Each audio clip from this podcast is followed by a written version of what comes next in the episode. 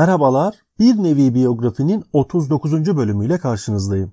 Bu bölümde Batı ülkelerine kıyasla geç tanıdığımız, sonraları da hayatımızın önemli bir parçası haline gelen televizyonu, Türkiye'deki serüvenini ve bu konudaki rekabeti anlatacağım biraz.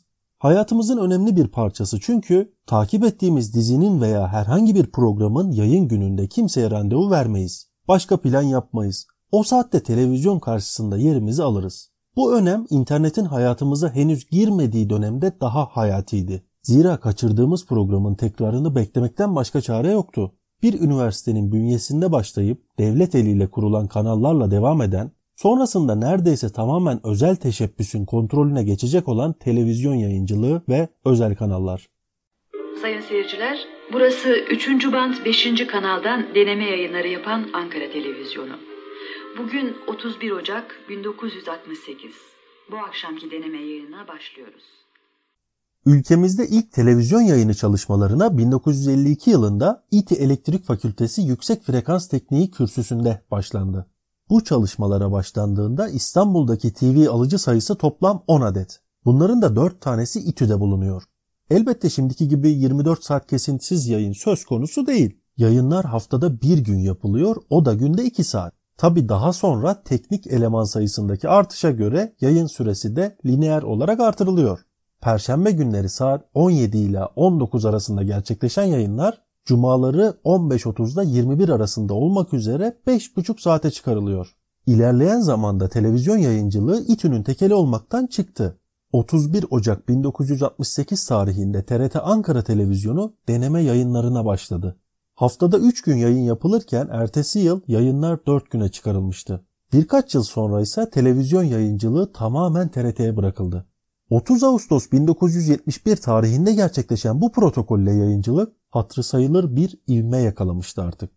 Türkiye'deki ilk uzun süreli naklen yayın 1971 yılının 6 ile 17 Ekim arasında gerçekleşen İzmir Akdeniz oyunlarıdır. Bu bahsettiğimiz yayınlar siyah beyaz yayınlar elbette. Televizyonda renkli yayına geçme çabaları 1975'te başlayacak henüz. Federal Almanya'dan getirilen renkli yayın cihazları Ankara'da TV eğitim merkezine, İstanbul Televizyonu A stüdyosuna ve Eskişehir'deki Anadolu Üniversitesi'ne yerleştirildi. Tabi birkaç renkli yayın cihazı temin edilmişti fakat renkli program formatındaki çekimler daha sonraki e, yıllarda gerçekleşecek. 1977 yılından sonra deneme amaçlı renkli program çekimlerine başlandı. 1982 yılından itibaren ise bazı spor müsabakaları ve haberler renkli formatta verildi. Tamamen renkli yayın döneminin miladı ise 1 Temmuz 1984'tür. İyi akşamlar sayın seyirciler. Bugün 20 Kasım 1983 Pazar. Yayınımıza renkli sunacağımız çizgi film Sevimli Köpeklerle başlıyoruz.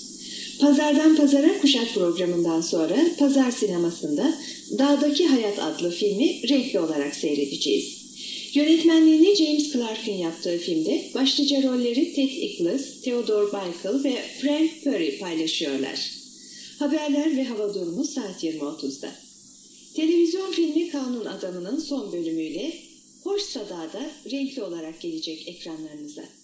Spor Dünyası programı çeşitli spor olaylarından derlendi. Yıllar geçtikçe kanal sayıları artacak. İkinci kanalın resmi olarak yayına başladığı yıl 1986'dır. TRT 2'den bahsediyoruz. Kanal yayınlarını kültür sanat ekseninde ifade edecek.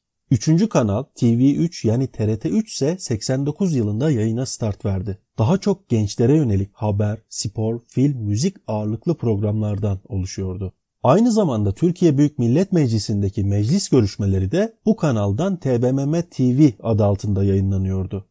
Dördüncü kanal olma niteliğine haiz olan TRT 4'e baktığımızda eğitim odaklı yayınların yapıldığını görürüz. Amaç orta ve yüksek öğretim gençliğinin eğitimlerine yardımcı olmak. Evet, gelelim TRT International'a.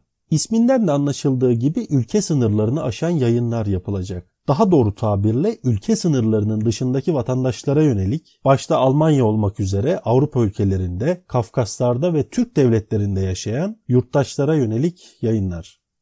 Toplumun farklı kültür ve eğitim düzeylerine, farklı siyasal tercihlere, farklı sosyal ve ekonomik statülere sahip bireylerden oluştuğu düşünüldüğünde TRT gibi siyasal iktidarların denetimindeki bir yayın kuruluşu ne kadar çeşitlenirse çeşitlensin toplumun bütün ihtiyaçlarını karşılayacak bir yayın politikası oluşturması oldukça zor. İşte bu sosyokültürel çeşitlilik zaman içinde özel kanalların ortaya çıkmasını kaçınılmaz hale getirdi. Bu süreç bayağı tartışmalı ve deptebeli oldu. Rumeli Holding'in sahibi olan Uzan ailesi Almanya'da kurdukları Magicbox adlı şirket aracılığıyla uydudan iki kanal kiralar. 1 Mart 1990 tarihinde test yayınına başlayan kanal bugün hala Doğuş grubu bünyesinde yayınlarına devam eden Star TV'dir.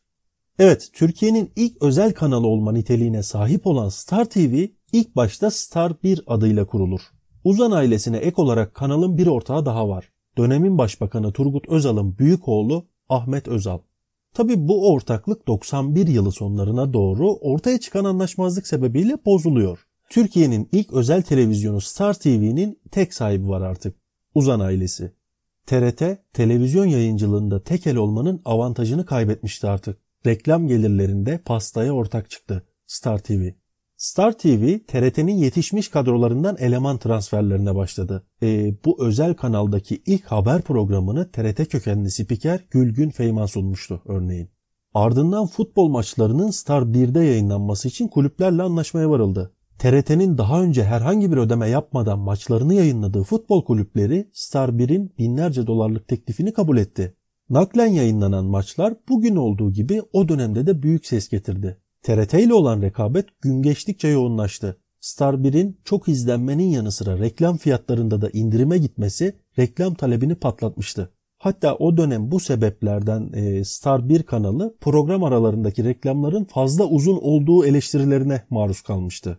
TRT ile Star 1 arasındaki en yoğun rekabet 1990'ı 1991 yılına bağlayan yılbaşı gecesi yaşandı.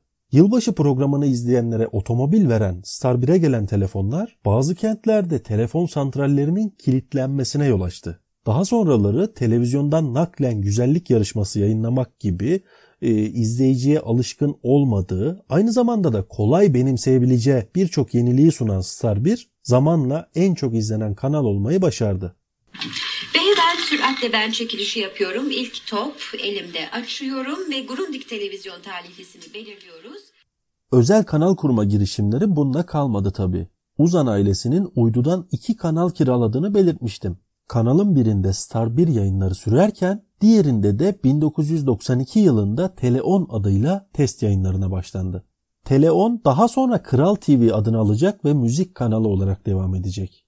Evet e, birçoğumuzun aşina olduğu müzik kanalı henüz Spotify, Fizi e, vesaire gibi streaming platformları yokken müziği oradan dinliyorduk. Hatta e, birçok müzisyenin birçok yeni albümünü veya yeni şarkılarını Kral TV'den duyduk birçoğumuz ilk defa.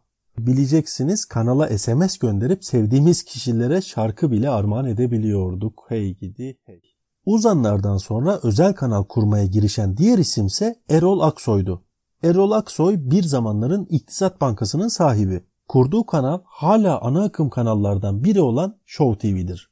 Kurulduğunda Uğur Dündar ve Mehmet Ali Birant gibi isimleri transfer etmesiyle oldukça ses getirmişti. Show TV düzenli yayınlarına 1 Mart 1992 tarihinde başladı.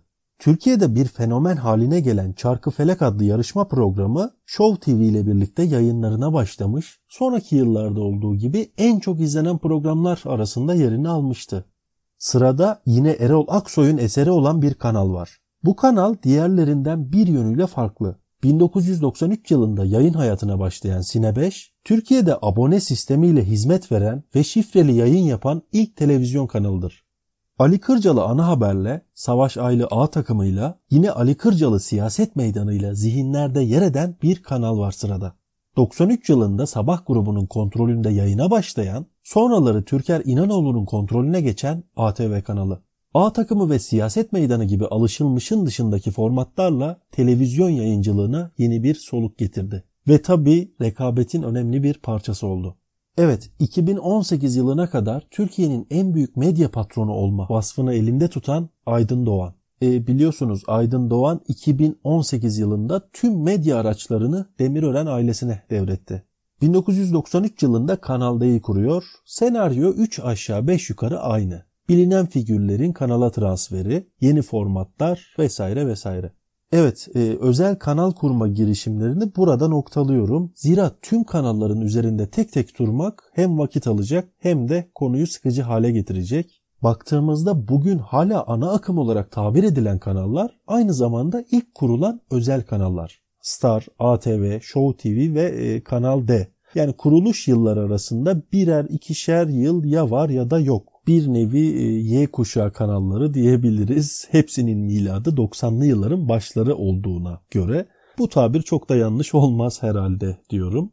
Yıllar geçtikçe kanal sayılarındaki artış devam edecek tabii. 1998 yılına gelindiğinde Ankara Üniversitesi İletişim Fakültesi Medya Dokümantasyon Biriminin hazırladığı rapora göre Türkiye'de 35 ulusal kanal, 15 bölgesel ve 239 yerel olmak üzere toplam 280 televizyon kanalı bulunuyormuş 98 yılının verilerine göre.